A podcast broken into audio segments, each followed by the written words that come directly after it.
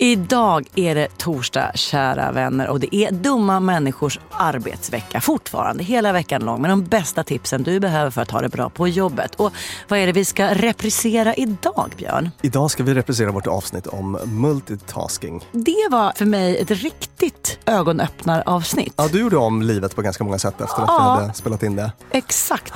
Det kommer ni också som lyssnar på det här första gången att behöva göra. För det visar sig nämligen på ganska många obehagliga sätt att det vi tror om vår egen förmåga att göra flera saker samtidigt verkligen inte stämmer. I morse tittade jag på den tecknade filmen Madagaskar med min son Max samtidigt som jag lämnade in en stor redovisning till Stockholms stad och la en ansiktsmask och åt frukost i sängen. Och så kände jag mig som en människa som hade vunnit några timmars syssla eftersom jag gjorde allting samtidigt. Men det här kommer Björn i kommande avsnitt hävda var inte speciellt smart gjort. Varmt välkomna till Dumma människor. Jag heter Lina Thomsgård och med mig sitter författare och psykolog Björn Hedensjö. Strax bredvid oss sitter min fyraårige son Max. Jag vabbar idag, vilket är helt perfekt eftersom avsnittet handlar om multitasking. Hur ska vi klara av att göra många saker samtidigt och gör denna förmåga, eller kanske oförmåga, oss till dummare människor? Ryan Reynolds here from Mint Mobile. With the price of just about everything going up during inflation, we thought we'd bring our prices down. So to help us, we brought in a reverse auctioneer, which is apparently a thing. Mint Mobile unlimited premium wireless. Have to get 30, 30, bit to get 30, bit to get 20, 20, 20, bit to get 20, 20, bit to get 15, 15, 15, 15 just 15 bucks a month. So, Give it a try at mintmobile.com slash switch. $45 upfront for three months plus taxes and fees. Promo rate for new customers for limited time. Unlimited more than 40 gigabytes per month. Slows. Full terms at mintmobile.com. Hey, it's Ryan Reynolds, and I'm here with Keith, co-star of my upcoming film, If, only in theaters May 17th. Do you want to tell people the big news? All right, I'll do it. Sign up now and you'll get unlimited for $15 a month and six months of Paramount Plus Essential Plan on us. Mintmobile.com slash switch. Upfront payment of $45 equivalent to $15 per month. Unlimited over 40 gigabytes per month. Face lower speeds. Videos at 480p. Active Mint customers by 531.24 get six months of Paramount Plus Essential Plan. Auto renews after six months. Offer ends May 31st, 2024. Separate Paramount Plus registration required. Terms and conditions apply if rated PG.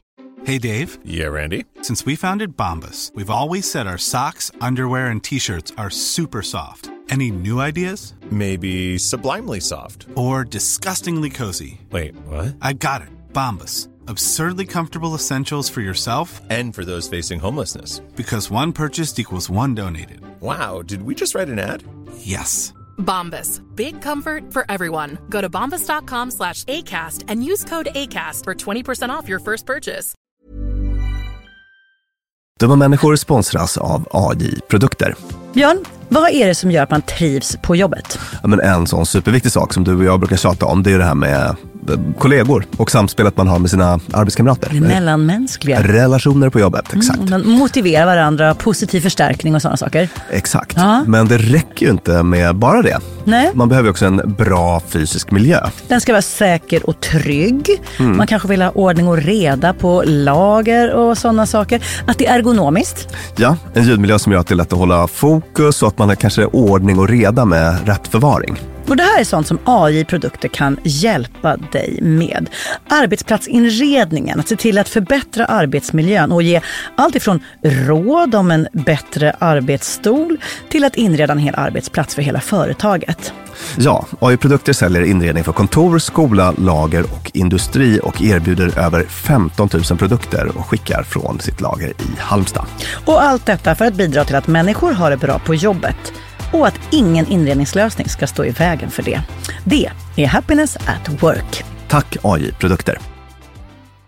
Dumma människor sponsras av Länsförsäkringar. Och Länsförsäkringar kan hjälpa dig med väldigt mycket mer än bara försäkringar. Till exempel sparande och lån och alla möjliga sådana bankgrejer. Precis, och jag kommer nu att tänka på när jag hade väldig nytta av ett buffertsparande.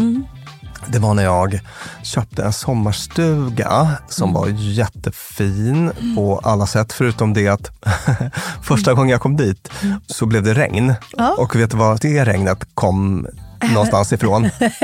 Det kom in genom taket på som var inomhus. Som jag, jag fick springa med, det var sån här slapstick-komedi, jag fick springa med såna här plåthinkar och sådär.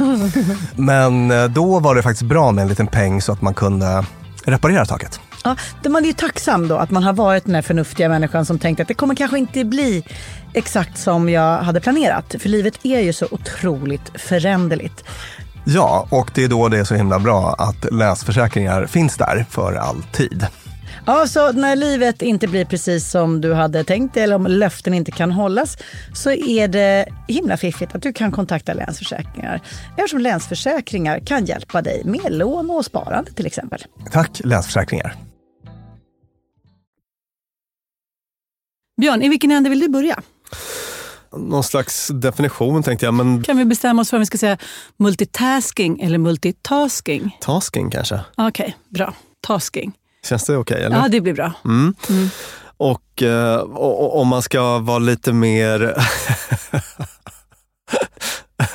nu blir det så kul för det blir sån metanivå här för att nu står Max i min liksom ögonvrå och gör roliga saker. Nej, men, eh, multitasking, att eh, göra en eller flera saker eh, samtidigt, simultant. Att Vadå, vadå, göra en sak samtidigt? Multitasking, göra en eller flera saker samtidigt? Nej, göra två eller Ja, ännu fler det, ja. Förlåt. Ja, saker samtidigt. Du ser hur svårt det blir när, när, man, när man distraheras. Att hoppa fram och tillbaka Mm. mellan olika saker. Eller att göra ett eh, antal saker i rask följd Mm. på varandra. Här var, när du presenterade det här som ett avsnitt så skrev jag i versaler ja, utropstecken, utropstecken i vår lilla tråd. Men jag menade det inte. För att som många andra gånger när vi tar upp avsnitt här som jag känner är väldigt, väldigt mycket mina paradgrenar så vill jag absolut inte att du ska lägga en massa tid på att ta fram forskning som visar varför det här gör mig till en dumbom. Det är lite mina ingångsvärden i det här. Att jag kommer att motarbeta den forskning du presenterar. Det blir en eh, liten uppförsbacke för mig idag. Ja, jag för jag gissar att det är det du kommer att komma fram till. Att det här med multitasking har negativa konsekvenser för oss. Ja, precis. Alltså utan att sticka ut hakan kan man väl säga så ja, redan Mm. nu faktiskt. Däremot finns det väldigt mycket som är lite så kontraintuitivt och spännande. i Ah. Ja, All right, let's go. ja. Gud, jag har också en... eh, nu lyssnar inte du på mig, nu sitter du och vinkar till din son. Det är för att han pratar med mig på andra sidan den ljudisolerade väggen. Ja. Ja. Det här är bara en sån perfekt illustration av det här fenomenet. Mm. För att nu måste jag liksom bara börja fundera på var var jag? Ja, just det. Vad var det jag just skulle ja. säga? Just Alltså det. ett sånt exempel på en sån här kognitiv kostnad då, som kommer sig av det här med multitasking. Ja. Men ska vi börja med att prata lite grann om hur vår uppmärksamhet fungerar? Ja. Om jag säger hjärnans två parallella spår, får du någon slags, ringer någon klocka? Eh? Ja, det, eftersom jag är så enkelspårig så kommer jag att tänka på Kahneman och Ja. eh, snabba och långsamma beslut. Alltså det intuitiva och system 1, system 2. Ja. Ja. Precis, det är del av det här. Alltså, man har alltid haft en idé om att vi har haft ett, eh, vad ska man säga, ett medvetet uppmärksamhetssystem Mm. och ett omedvetet. Just det. Charles Darwin pratar om det, den här evolutionslärarens upphovsman. Han fick någon sån här uh, eureka-upplevelse. Han var på någon, uh, någon slags terrarium eller något museum där det fanns en uh, orm som dök emot glaset. Ja. Uh, alltså gjorde något Ah. utfall. Charles Darwin, han märkte hur han liksom ryggade tillbaka, hoppade tillbaka. Trots att det var en tjock glasvägg mellan honom Trots att det var en och tjock utfallsormen. glasvägg mellan honom och ormen som gjorde utfall. Mm. Så att han var så här, okej, nu ska jag overrida det här systemet Mm. och eh, ställa mig vid det här glaset igen. Och så gjorde ormen ett utfall och han hoppade tillbaka igen. Ja. Han bara, ah, okej. Och så skrev han om det där och resonerade lite grann om två olika system. Just det, för det ena systemet vet att ormen kommer inte kunna hugga mig. Ah. Och det andra systemet skiter i för det reagerar ändå. Ah, precis.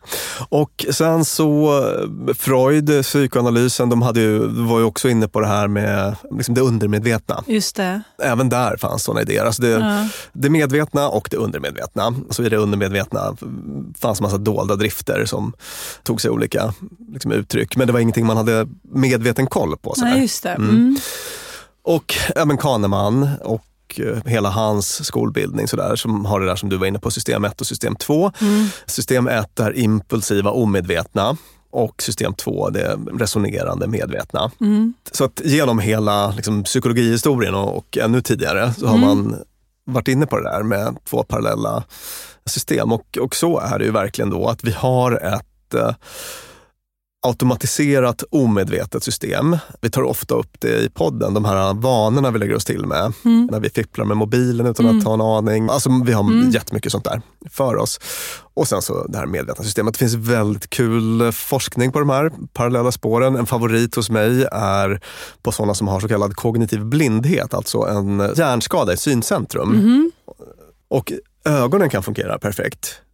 Men man har den här lilla hjärnskadan som gör att hjärnan, man kan inte medvetet processa Okej, synintrycken. just. Alltså- där, ja. Är det inte spännande? Det är Så att- jättespännande. Så att man ser, Filmkameran filmar, allt samlas på en rulle men Man har ingen access till, inte, eh, ja, till kan, rullen. Kan inte tolka det. så att då har man gjort sådana experiment med den typen av personer då, att, eller med folk med den skadan. Ja. Till exempel att man har hållit upp en orm framför dem. Och ormar, spindlar, det är sådana saker som vi har en eh, medfödd rädslorespons på.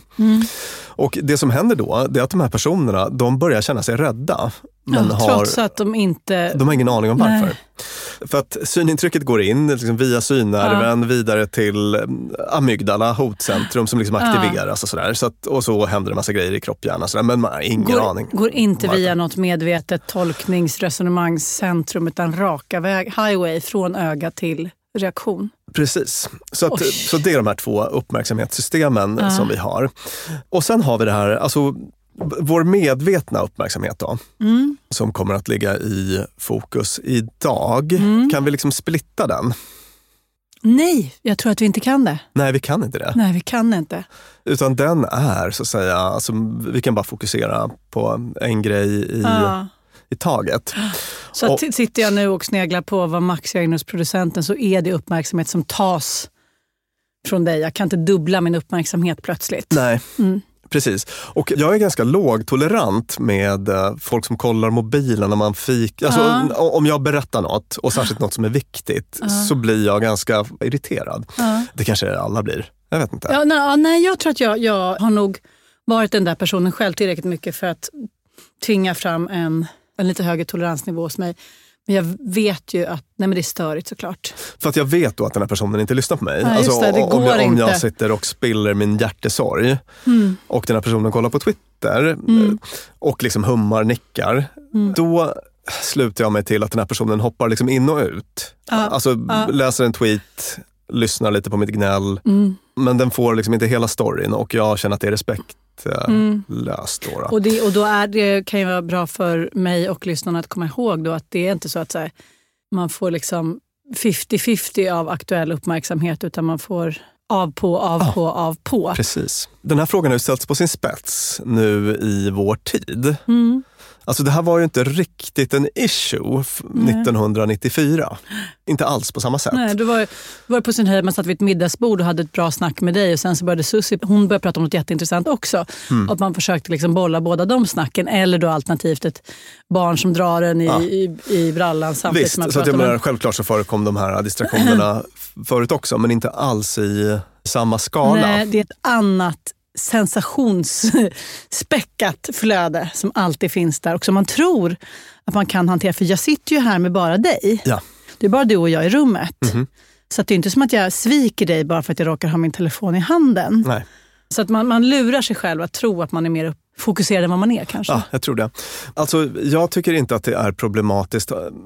Det kan vara jättemysigt att ligga tillsammans i ett rum i varsin soffa eller fåtölj eller vad det är och bara sitta och prata lite, Mm. scrolla lite på Instagram eller vad man nu gör. Mm. Alltså, jag menar inte att jag är inte någon sån uh, mobiltaliban, men. Mm. jag bara menar att i de här situationerna Japp.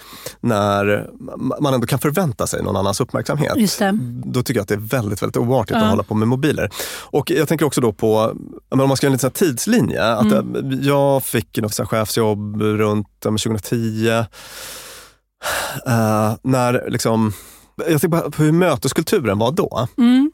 Då signalerade man att man var med i den tekniska utvecklingen om man satt och fipplade med sin Mm. Ja, just, mobil. ja, det var lite status. Det var lite status att göra det. Slå upp sin dator och sitta lite där samtidigt och bara absolut, jag ser vad ni håller på med på presentationen men också att jag Ja. skickar ett litet Man, gruppmejl. vill, man ville signalera att man var duktig på multitasking helt Ja, enkelt. just det. Så att, eh, då satt folk med sina mobiler och höll på och liksom nickade, hummade. Men nu vet man ju att de lyssnade liksom inte. Alltså de, vet de vi- missade halva mötet. Vet vi verkligen det? Eller är det värt att upprepa? Jag tycker det är värt att upprepa för jag är så otroligt skolad i just det där. Det där var ju liksom mina mest vad ska jag säga, yrkesrollsdanande år. Ja, samma här. Och det var verkligen så här, brände in sig på liksom, Ja. hjärnbalken. Det här är hur en effektiv person beter sig. Mm. Där sitter Ann-Kristin och gör bara en sak, antecknar det personen säger. Ja. Jag däremot antecknar och håller koll på det. Alltså, att det liksom var en känsla att ha dubbelt så många timmar på arbetsdygnet. Liksom. Just det. Och det tror jag det är väl jättebra att med en fas trycka på att så är det inte. Nej, precis. Det fanns då en idé om att man, eh, alltså dels att man kunde liksom träna upp någon sån förmåga. Mm. Nu har jag fyra devices. Jag sitter med en iPad och liksom en eh, mobil och datorn och, eh, och så är jag med Just på det. mötet också. Jag Just är det. så kapabel. Och sen fanns det också en idé att de yngre, Mm. så kallade digital natives, alltså sådana som har växt upp med det här, Ja. att de ska ha en särskild förmåga. Ah, ja, de är liksom bättre för att Ja. de har, haft, har övat på det längre. Är de det? Precis. Nej. Och tillåt mig att citera Steven Pinker, du vet den här Ja, lockhåriga Lock- kognitionsvetaren från Harvard. Ja. Han säger så här. Har evolutionen försett en generation surfare och twittrare med den avundsvärda förmågan att parallellt hantera multipla informationsströmmar? Frågar han sig retoriskt. Nej, det är lite retoriskt, precis. De flesta kognitionspsykologer tvivlar på det, svarar han retoriskt Mm. på sin egen fråga. Alltså, hans poäng är det här att även en eh, liksom, millennial är ju en människa och, Ja. och har samma kognitiva hårdvara. Just Eh, Det är ingenting som har hänt där. Nej, och det är ju någonting vi också har diskuterat här i podden, hur otroligt lite vi har förändrats över tid. Alltså vår verklighet har förändrats jätte, jätte, jättemycket. Förutsättningar, villkoren etc. Men vi och hur vi är funtade är väldigt likt hur det var för sen begynnelsen.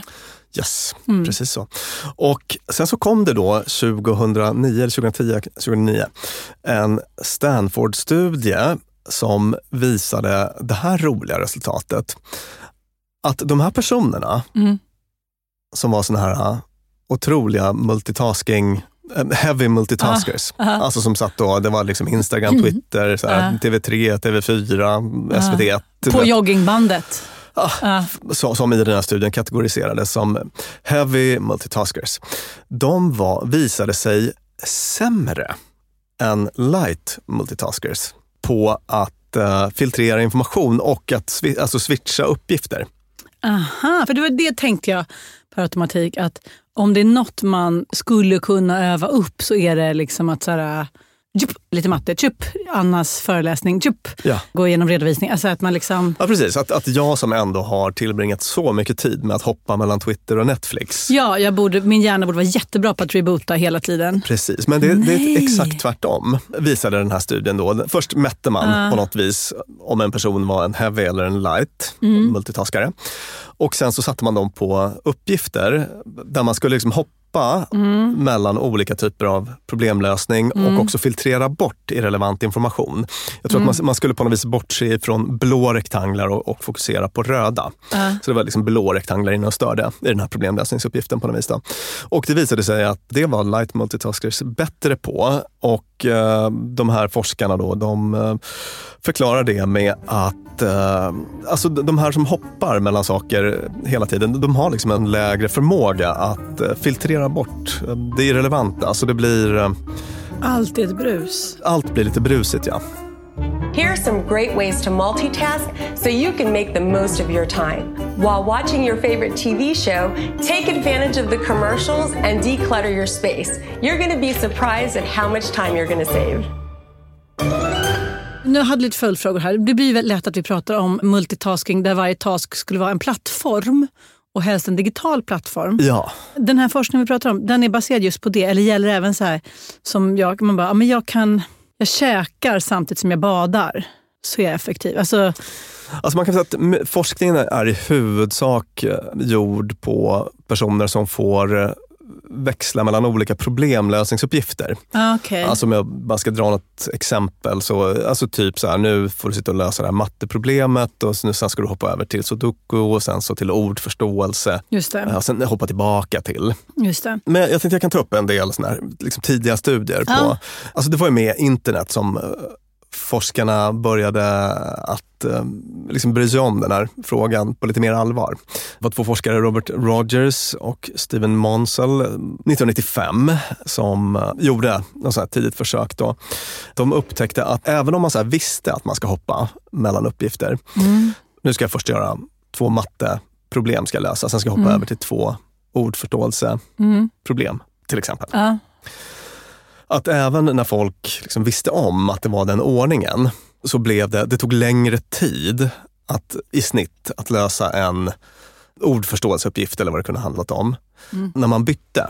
Ja, så hade det bara varit en hel timme ordförståelse så hade det gått bättre än att ha fem olika varianter. Om du hade Ja. gjort fyra raka ordförståelser så, hade det, så var det liksom mycket mer effektivt. Ja, det ger ju oss som har en möjlighet att planera våra arbetsdagar lite inspiration att kanske inte ha en hela tiden på sitt dataskrivbord en to-do-lista med 45 olika saker som man hoppar lite emellan. Ja, just det. Och så fort man stöter på ett litet problem så byter man till nästa och så studsa utan att så här, Precis. Det, det, två timmar detta. det blir en här switching cost, kallas Ja. det, som man kan räkna på. Ah, För då kan man jämföra. Alltså om du gör liksom fyra raka mattetal ja. eller om du gör två mattetal, hoppar till två ordförståelser och går tillbaka ja. och gör två mattetal till. Då kan man liksom räkna på den effekten. Jädrar du. Ja. De konstaterade då i den här liksom tidiga studien att det verkar finnas två delar i den här kostnaden. Och det ena är att det tar tid att ställa om, ska man säga, liksom hjärnans inställningar för Mm. den nya uppgiften. Just det, just det, det var matte och då var det siffror och så var det det här. Och, Precis, men, men nu är det språk. Och, Ja. alltså, jag ska faktiskt säga att jag, jag vet inte om det specifikt var matte och uh, ordförståelse här. Jag bara säger det för tydlighetens skull. Mm, Ja. Och eh, den andra delen, det är att det blir en, en så att kognitiv rest från, från det tidigare. Det vill säga att när du sätter dig med ordförståelsen så, har du fort, så skvalpar det fortfarande runt matte. Just det, just det. Det där talet, blev det verkligen rätt eller borde jag Ja. tänkt annorlunda? Just det. Precis. Och Så- det är där man tänker sig att det är bra att det ligger och skvalpar för då kanske jag löser det samtidigt, men det är inte så det funkar. Så kan det väl i och för sig funka, men det blir på bekostnad av den här uppgiften som Just du det. eh, gör nu. Då. Just det. Och sen så upptäckte de då att även om man får mer tid att ställa om Mm. mellan matte och ordförståelse, så här, okej du behöver inte hoppa på det direkt, utan du Mm. får, nu får du en halvtimme emellan att ställa om. Det blir ändå en switching cost. Jassa. Därför att det här äh, ställa om inställningarna Mm. från matte till ord, Ja, ja. det kan man hantera på den halvtimmen. Men den här liksom kognitiva resten, den är svårare att äh, Ah. hantera eller att förbereda sig för, sådär, att ta bort. Intressant. Mm. Får, får jag försöka vara en förespråkare för multitasking och förklara på vilket sätt jag tycker att det hjälper mig?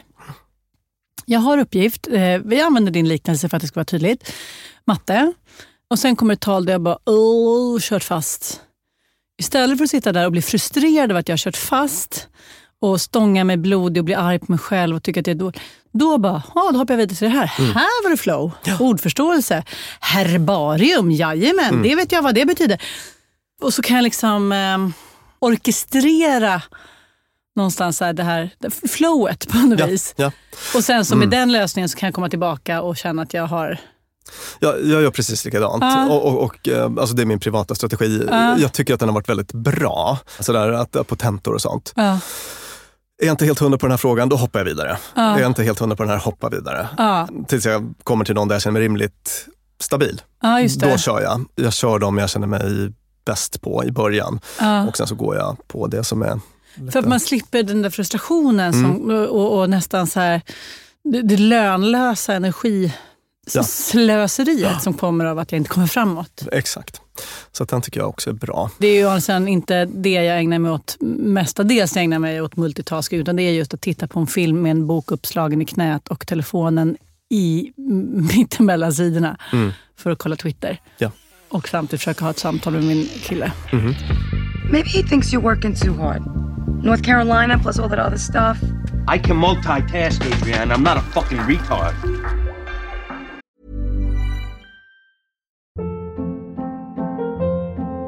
Hold up. What was that? Boring. No flavor. That was as bad as those leftovers you ate all week. Kiki Palmer here, and it's time to say hello to something fresh and guilt-free. Hello Fresh. Jazz up dinner with pecan-crusted chicken or garlic butter shrimp scampi. Now that's music to my mouth. Hello Fresh. Let's get this dinner party started. Discover all the delicious possibilities at hellofresh.com. Cool fact a crocodile can't stick out its tongue. Also, you can get health insurance for a month or just under a year in some states. United Healthcare short term insurance plans, underwritten by Golden Rule Insurance Company, offer flexible, budget friendly coverage for you. Learn more at uh1.com. Many of us have those stubborn pounds that seem impossible to lose, no matter how good we eat or how hard we work out. My solution is PlushCare. PlushCare is a leading telehealth provider with doctors who are there for you day and night to partner with you in your weight loss journey. They can prescribe FDA-approved weight loss medications like Wagovi and Zepbound for those who qualify. Plus, they accept most insurance plans. To get started, visit plushcare.com slash weight loss. That's plushcare.com slash weight loss. Dumma människor sponsras av Claritin. Ja, för nu är det ju vår och vårkänslor spirar. Mm. Även jag får, jag har liksom varit ihop med min kille i snart ett decennium och blir vårkänsla. Lite vårrusig. Ja, jag vill, jag vill ut och hålla hand och springa över en sommaräng. Ja. Och då kan man tänka att det är synd om dem som inte kan det. Det är rätt många ja. Det är det. Ja. Och det märker man alltid på just våren. För det är då de kommer in på kontoret och när alla andra är så uppspelta för att gatorna är sopade och solen gnistrar så är det liksom bara rinnande ögon, rinnande näsa, det Min kliar. pappa till exempel, pollenallergiker som älskar att påta i trädgården då. Och det vill man ju att han ska kunna göra. Och det är där vårt budskap från Clarityn kommer in i bilden. För det, Clarityn ger vårkänslorna en chans för allergiker. Det är antihistamin vid tillfälliga allergiska besvär, till exempel pollen, pälsdjur eller dammallergi, som ger snabb effekt inom en till tre timmar. Och besvären lindras i hela 24 timmar. Clarityn, en tablett och sirap, Loratadin, är receptfria läkemedel vid tillfälliga allergiska besvär hos vuxna och barn över 6 år och kroppsvikt över 30 kilo om du tar tablett. Du ska inte ta Clarityn om du är gravid eller ammar. Läs bipacksedeln noga innan du tar Claritin, särskilt om du har en leversjukdom eller ska genomgå hudtester för allergi. Och kontakta läkare om du inte mår bättre eller om du mår sämre efter sju dagar. Och kontakta alltid läkare vid användning längre än tre månader. Och mer om det här kan du läsa på bayer.se. Tusen tack Claritin. Dumma människor sponsras av Arlanda Express.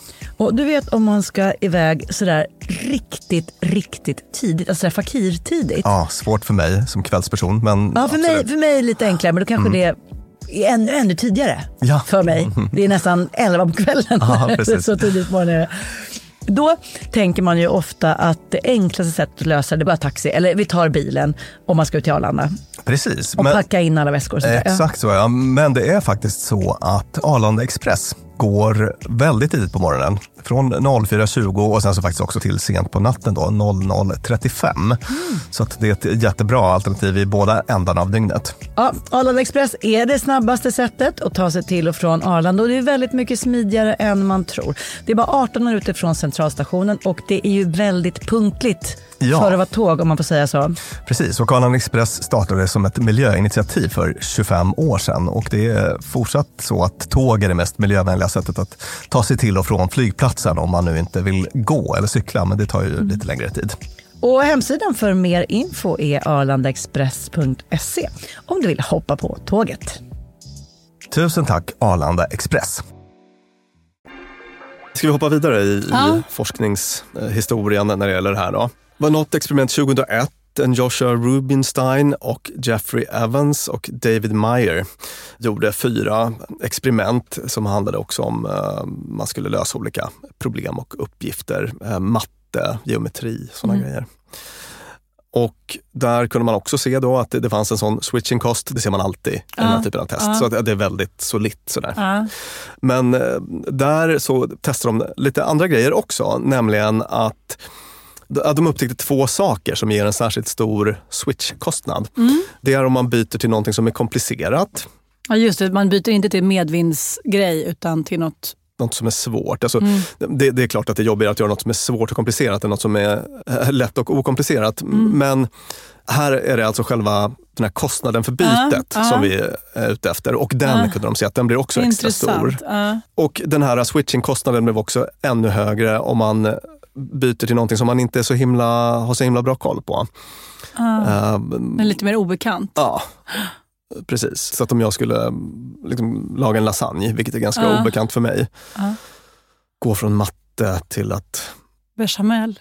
göra en bechamel. Ja. Då blir det liksom en extra stor kostnad. Den, den, den blir större eh, än om jag koncentrerat eh, tar mig an den här bechamel-grejen. Och, är du med på skillnaden där? Mm. Jag är helt- jag är helt med. Jag jag så här, pratar inte om uppgiften i sig utan om kostnaden ja, för bytet. La- Lasagne kommer alltid vara svår för dig att göra. Mm, ja. Men det här liksom mervärdeskostnaden Mm. är, är knuten till just till att din inställning till lasagne att den är lite knepigare. Och då kan man, lärdomen av det här blir då att om jag nu nödvändigtvis ska hålla på och multitaska, så hoppa till något som är lite medvind och som du är bekant med. Så att det liksom är så här, ja, jag återgår till det här som jag kan. Precis. Exakt så. Ska man ägna sig Ja. åt multitasking, då ska det vara så- sånt som man inte tycker är speciellt komplicerat, sånt som man kan. Ja. För då blir det inte så hög kostnad Nej. i det här flippandet. Men om jag ska laga lasagne, då ska inte jag Mm. samtidigt hålla på och liksom skriva en uppsats och liksom jobba Nej. och fippla med massa annat. Utan Nej. då är det bättre att jag fokuserat tar mig an Just den här det. komplicerade uppgiften. Mm. För att minimera såna här switchkostnader. Mm. Exakt. Okej, och sen så har vi en studie från eh, 2003 som också blev, eh, gjorde stort avtryck på det här området. Eh, Nick Young bland annat. Och han och hans forskarteam kikade på liksom vissa faktorer som man eh, kan vara bra att ta hänsyn till, eller som förklarar varför det blir så här. Mm. Och en sån grej är ju det här med att man måste komma ihåg var man var. Just det. D- det- den den det- liksom enkla grejen. Var var, hur långt hade jag kommit Ah. i den där uppgiften som jag höll på med?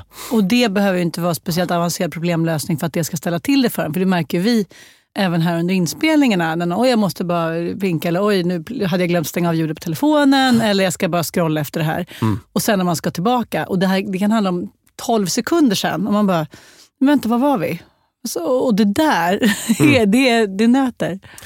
Precis. Och en annan sak är att man ägnar sig åt en prioriteringsmanöver. Mm. Eh, när man hoppar mellan uppgifter, Ja. det kostar också kognitivt att liksom, Borde jag göra det här eller borde jag göra något vad annat? ska jag göra när? Gör jag rätt sak nu? Ja. Borde jag göra någon annan? Mm. Är den där saken kanske lite mer viktig? Så den pågår också mitt i det här och, och, och tar fokus från det som ska göras. Egentligen. Har vi pratat någonting om den här personen Tim Ferris? Det känns som att vi har nämnt honom. Det har vi gjort. Och att jag har hånat honom. I, i någon fredagsfråga. Ja. Och han är liksom, man stöter på honom när, Ja. man, när man researchar det här ämnet. Ja, han, han är ju inte utbildad psykolog eller något sånt där. Han är bara en...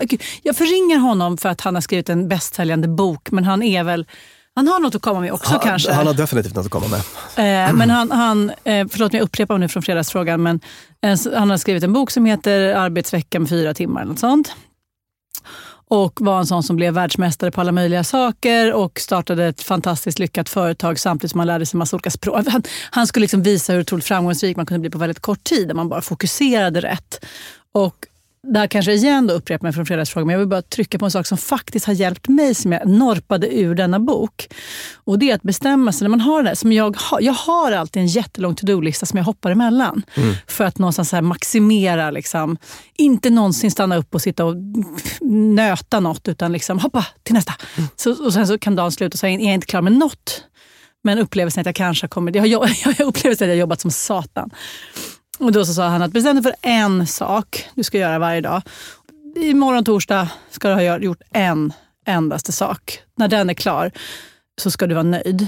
Och den saken måste därmed vara av en sån magnitud. Den ska vara så pass viktig så att om du får den gjord så är du nöjd. Och det betyder inte att det ska vara en jättekrånglig uppsats du ska skriva eller så, utan det kan vara att ringa det där samtalet som är jobbigt, som du har dragit dig för. Eller bara skicka iväg det där jävla mejlet. Liksom. Och att bara få en endaste sak gjord. Och att så bara, istället för en to-do-lista med, jag tror att jag har 9000 punkter på min. Att ha så här, torsdag, skicka mejlet. Det har hjälpt mig ganska mycket med den här multitask. För det är raka motsatsen. Mm. En enda sak på en hel dag. Ja, jättebra. Och det där kommer att ah, liksom, anknyta väldigt fint till när jag går på liksom, lite lösningar sen. Ah, det, det, var, det var i det sammanhanget jag stötte på hans namn nu. Ah. Ja. Men den är svinbra. Jag tycker Ah. jättemycket om den. Min vän i julsminde är en multitasking-man. Men ingen man i världen är så effektiv som han. Kan du komma på en sån här multitasking-pryl som har förbjudits av Bil Sverige? och köra och telefon. Exakt. Och då läste jag någon, eh, jag blev lite intresserad av vad, vad risken är. Liksom hur stor är risken? Är, den, Ah. är den kvantifierad? Ja. Och det var den. Jag hittade någon studie från Monash University i Australien, visserligen beställd av Vägverket. Då. Alltså de har gjort en här översiktsstudie, Ja, kollat på hur mycket mobilpratande verkar öka olycksrisken. Och vad tror du? Oj, nej men då är det 24 procent. Det är 400 procent. Nej, Uh, ja, förlåt jag kanske är helt ute och cyklar med hur man pratar om procent i sådana här sammanhang. Fyra gånger fyra- större. Fourfold increase in crash risk. Det måste ju vara 400 procent. Ja. Visst? Ja, Alltså, det tycker jag säger väldigt mycket om eh, Men det är helt otroligt. hur oförmögna vi är att göra två saker bra samtidigt. ja. Mm. För det, det vet man ju. Alltså om man, säg att man sitter bredvid någon som kör bil och så tar den fram telefonen. Då känner man sig jättefånig man bara, men det borde kanske inte för att man vet hur känslan är. Man, det är klart, jag ser ju vägen framför mig, jag ska ju bara svara på det här lilla smset. Men fyra gånger högre risk. Mm. Det är ju som att ha druckit bärs, var eh, outvilad och allt på en gång. Ja, Ja. så att eh, verkligen en tydlig illustration av hur kassa vi är på det där. Och jag bara tänker på, ibland ser man ju såna här, alltså någon som skriver på Twitter eller Facebook eller vad det kan vara om någon person som sitter och pratar i mobilen högt på, Tunnelbanan, just det. på tunnelbanan, tåget. Så här, Om privata om saker. privata saker ja. och så. Och så brukar man tänka, herregud, hur kan man sitta och fläka ut sitt privatliv sådär? Vara ohyfsat och vara, liksom, vilka, har de ingen integritet? Mm. Och, ja, typ så. Men jag tänker mig att det är också ett exempel på hur vi, alltså när man sitter och har det här samtalet, då är man så i det samtalet Ja. så man klarar inte av att samtidigt liksom monitorera sig Nej. själv och ha koll på hur högt man pratar eller vad man är. Eller, alltså man, Nej. Alltså Och vilka som kan lyssna och så vidare. Nej. Nej. men precis, det är det det är. Det är inte att man har fel på röstläget eller att man är bisarrt intresserad av att låta andra höra om en sexuella Nej. sjukdomar, utan man är bara så jädra inne i det. Vill du berätta för lyssnarna nu kanske om dina sexuella Nej, heter det sexuella Sexuellt sjukdomar? överförbara sjukdomar? ja, tack. Eller, eller, eller har du sån integritet att du vill hålla det för dig själv? Har aldrig haft en sexuell sjukdom i hela mitt liv. Bra. Grattis. Men hade jag haft någon så skulle jag förhoppningsvis inte sitta och prata om den högt på telefonen på Nej, tåg. men- Men, när folk gör det så är det för att de är, eh, drabbas av det, Dålig multitasking. Ja. Och jag tänkte så och sen så kom jag på, men gud, jag, alltså, jag har kommit på mig själv med att vara den personen. Jaså? Ja, Ja, ja. ja. gud ja. Nej, men alltså, du vet, så här, någon gång har telefonen ringt och sen så har det varit ett samtal som har varit så liksom, uppslukande så att man Mm. Har bara gått in i samtalet och, Mm. och sen så bara, men hjälp, nu satt ju jag faktiskt på Ah. tunnelbanan eller kaféet eller vad det ja, var. ja, ja, Ja. visst. Också bara en liten Verkligen. spaning. Nej men gud ja. Mm. Hey, Sheldon, you're busy. I'm always busy. This mind is capable of advanced multitasking. Många av de här studierna är så himla liksom experimentella och känns lite långt från verkligheten. Mm. Men det fanns... Ja, just det, blå rektanglar och så Ja, men vidare. exakt. Men det fanns en eh, forskare finns som hette Sophie Leroy vid University of Minnesota. Hon är ekonomiprofessor som eh, hade ett väldigt tydligt sånt arbetslivsperspektiv Mm. i eh, sin forskning. Då. Hon publicerade 2009 en artikel med titeln Why is it so hard to do my work?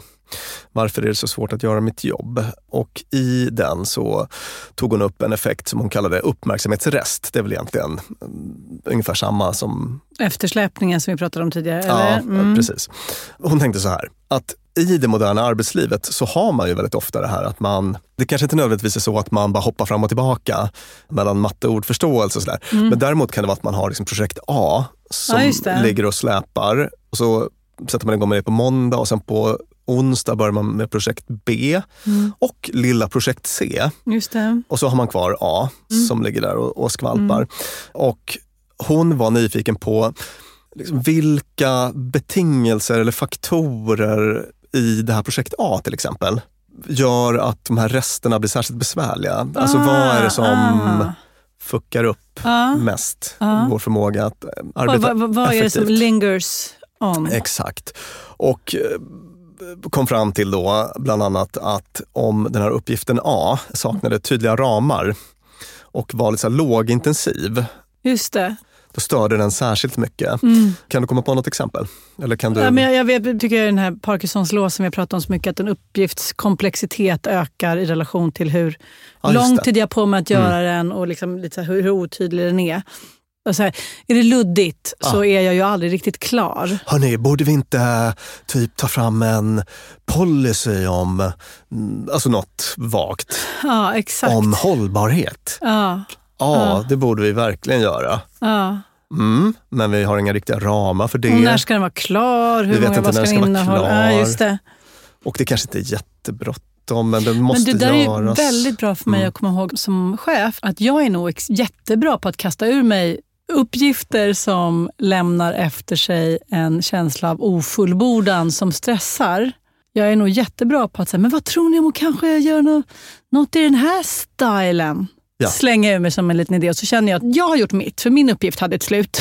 och Ja. min uppgift var, var behändig. Och Ja, sen man- slänger man vidare en uppgift som är bara stor, slemmig, trådig klump som inte riktigt har en början eller slut. Ah. Nej. Usch. Ja, Men det var just det där att liksom inte ha ett slut. Alltså, Mm. Och det var det hon sen testade. Hon gjorde så att hon gav folk i uppgift att alltså de fick påbörja någon slags ordgåtor eller vad det var. Mm. Och sen så avbröt hon mitt i, alltså innan man fick bli klar. Kan du känna, Ah, kan du känna frustrationen? sablar. Så, hörni, nu ska vi hoppa på den här istället. Ah. Och sen testade de andra som fick göra klart. Och kunde se att det blev en väldig skillnad då Ah. i prestation. På, Fullbordan är Ja. en jävla nyckel alltså. I am a multitasker. I'll tell you right now, I'm talking to you, I'm also toning my buns. You didn't know that. Ska vi eh, prata lite om eh, lösningar på det här eller? Här kan jag faktiskt rekommendera, osponsrat rekommendera en bok som är det bästa jag har läst på området. Mhm. Den heter Deep Work av en amerikansk författare som heter Cal Newport. Den finns utgiven på svenska också. Den heter Deep Work även i sin svenska utgåva. Det har jag ibland när jag skickar mejl till vissa arbetsplatser, ska jag säga så här, ska vi ta det mötet på tisdag? Nej, för då har vi vår djuparbetesdag. Ja. Han har ju mer eller mindre startat en liten rörelse Ja. inom det här med djuparbete eller koncentrerat arbete. Då gör man bara lasagne hela dagen. Nej, man gör inte bara lasagne hela dagen. Jo, det kanske man gör, men man behöver inte bara göra lasagne i livet. Nej, precis. Men just den här dagen när jag har min deep work tisdag. Efter bästa förmåga Ja. så är det lasagnefokus då. Ja. Den här boken ska jag läsa. Ge lyssnarna en lista på hur man slutar hoppa runt mellan arbetsuppgifter så det kostar en massa extra. Faktum är att jag har plockat de här tipsen ur hans bok. Så, så, så, så att det- är ett, en handfull, men det är en hel bok som är liksom full med massa olika. Men jag jag tar några stycken. Mm. Mm. Tips ett. Var selektiv med sociala medier. Mm. Jag tycker att vi alltid, så fort det handlar om utmaningar för mänskligheten, så landar vi alltid i att och det här har stegrat något så infernaliskt Ja. med sociala medier. Och det är ett Att det det är, det är ett lite trött ämne. Ja, ja. Sociala medier, bashing så. Ja. Men icke desto mindre så finns det nog inget som är mer produktivitetsdödande. Mm. Jag tror inte det. Nej. Men alltså om jag går till mig själv så tycker jag att det är extremt kul. Ja. Jag tycker sociala medier är roligt och det berikar mitt liv och Mm. det har gett mig massa nya vänner och Mm, det är mm, kanon. Det tänker jag, just det där att så här, vad man får ut av det. Ja. För egen del så försöker jag jobba med regeln att det ska vara lust och inte ångestdrivet. Mm, Alltså det vill säga, gud, tänk om jag är så här, uh, ingen tycker om mig, nu behöver jag lite likes. Just Och det. lägger ut. Alltså den typen av poster ska jag inte ägna mig åt. Nej.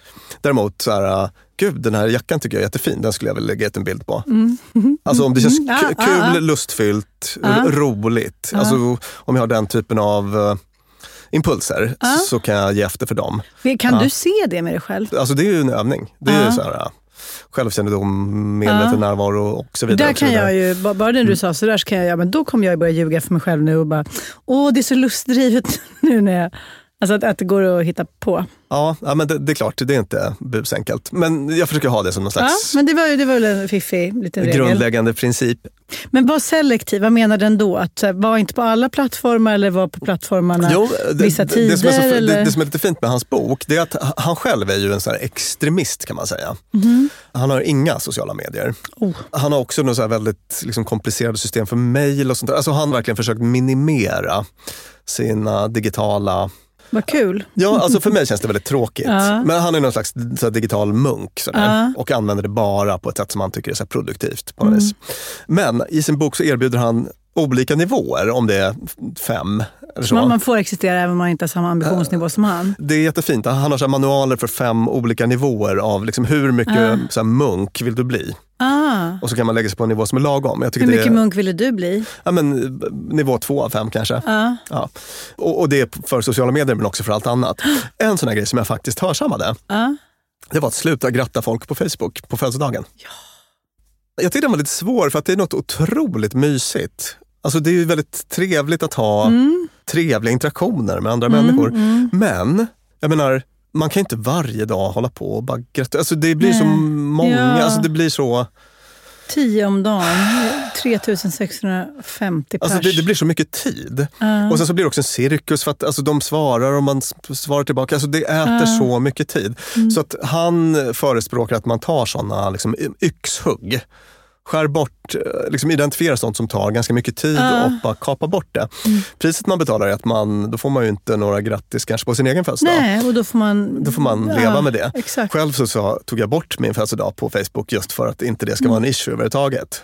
Så att nu är jag ute ur gratulationsloopen och mina närmare vänner smsar jag till. Åh, vad jag inspireras.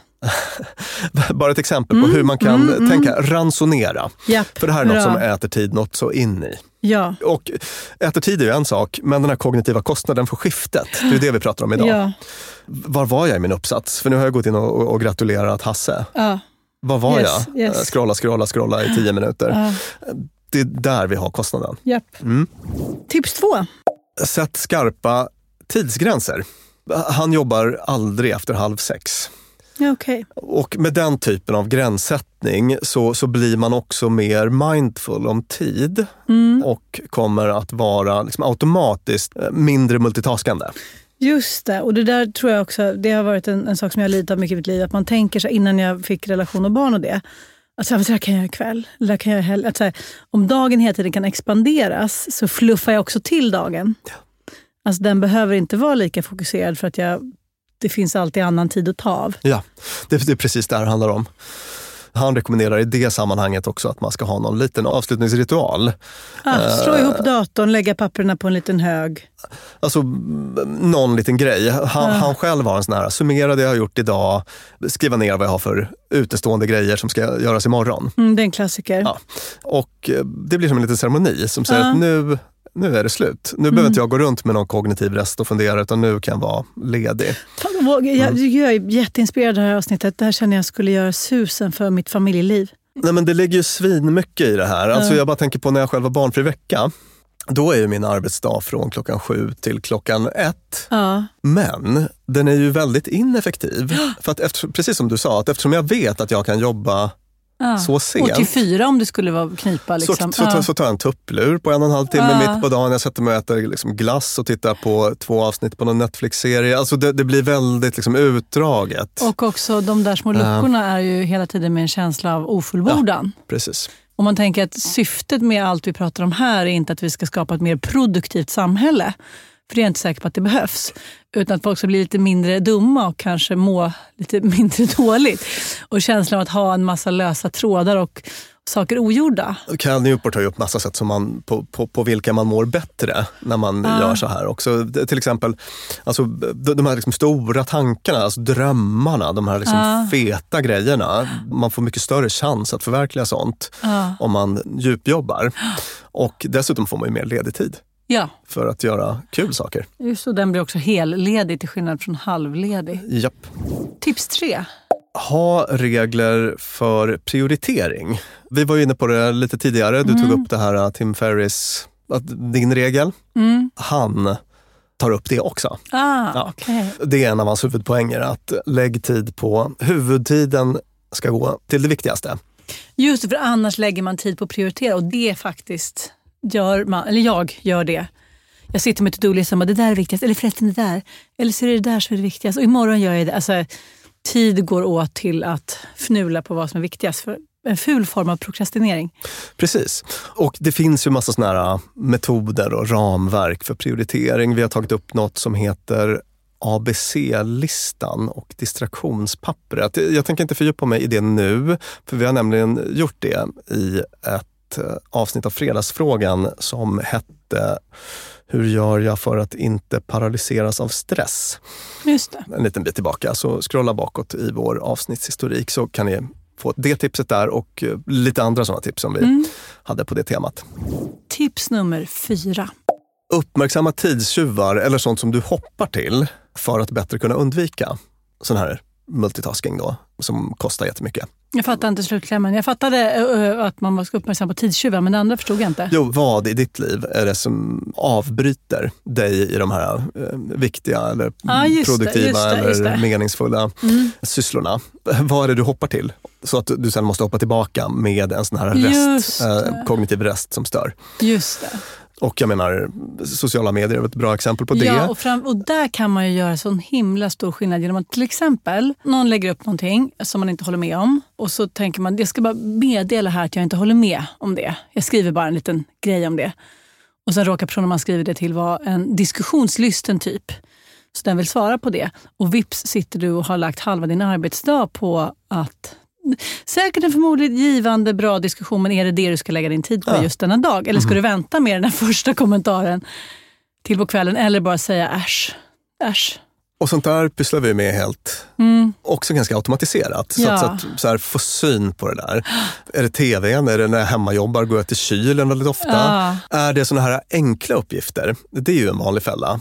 Jag svarar på mejl, liksom alla mejl som Mm, plingar in, mm, mm. de ska minsann svara på direkt och Just avbryta det här uppsatsskrivandet. Vi gör det för att det är omedelbart och kortsiktigt belönande. Alltså man får en liten kick. Man svarar på ett mejl, man känner att man får någonting gjort i alla fall. Men det blir ju den här uh, switchkostnaden varje ja, gång. Precis, prislappen för att sätta sig in i det där lite mer komplicerade. Ja, så det är ju motsatsen till Mm. djupjobb och eh, någonting man får hitta strategier för. Då. Björn, nedslående avsnitt för mig. För nu Mm. kommer jag behöva ändra taktik, men tack för tips. Vill du tillägga någonting Björn? Är det något vi inte har fått med? En sak kan man ju säga. Mm. Ibland när man pratar om det här så kan folk invända att, men vadå, alltså jag är ju jättebra på att alltså jag kan köra bil och göra uppgift X samtidigt. Mm. Eller så. Men då beror det ofta på att det är en väldigt okomplicerad uppgift. Det är något du kan göra helt automatiserat. Alltså Du Mm. har kört mellan hemmet och jobbet 4000 gånger. Du vet Mm. varenda liten pryl. Och då kanske du klarar av att prata i telefon samtidigt. Mm. Men så fort det händer någonting oväntat, då ställs allt det där på ända. Då är det inte längre Just det. automatiserat, utan då, då krävs den här medvetna uppmärksamheten. Det. Och har du då två saker som du pysslar med, då blir det kollaps. Hörni lyssnarna, tack för att ni lyssnade på detta. Hoppas att ni inte gjorde alldeles för många saker samtidigt så att vårt viktiga budskap inte gick in. Multitaska lite mindre, jobba lite mer fokuserat så får det eventuellt som effekt att ni blir lite mer produktiva. Vem vet? Tack för mig säger jag. Jag heter Lina Thomsgård. Jag vill tacka dig Björn Hedensjö, psykolog och författare. Avsnittet har klippts av Peter Malmqvist och producerats av Klara Wallin. Och det har spelats in på Beppo. Ni hittar oss på Instagram, dumma människor. Det var allt för oss. Tack så mycket. Hej då!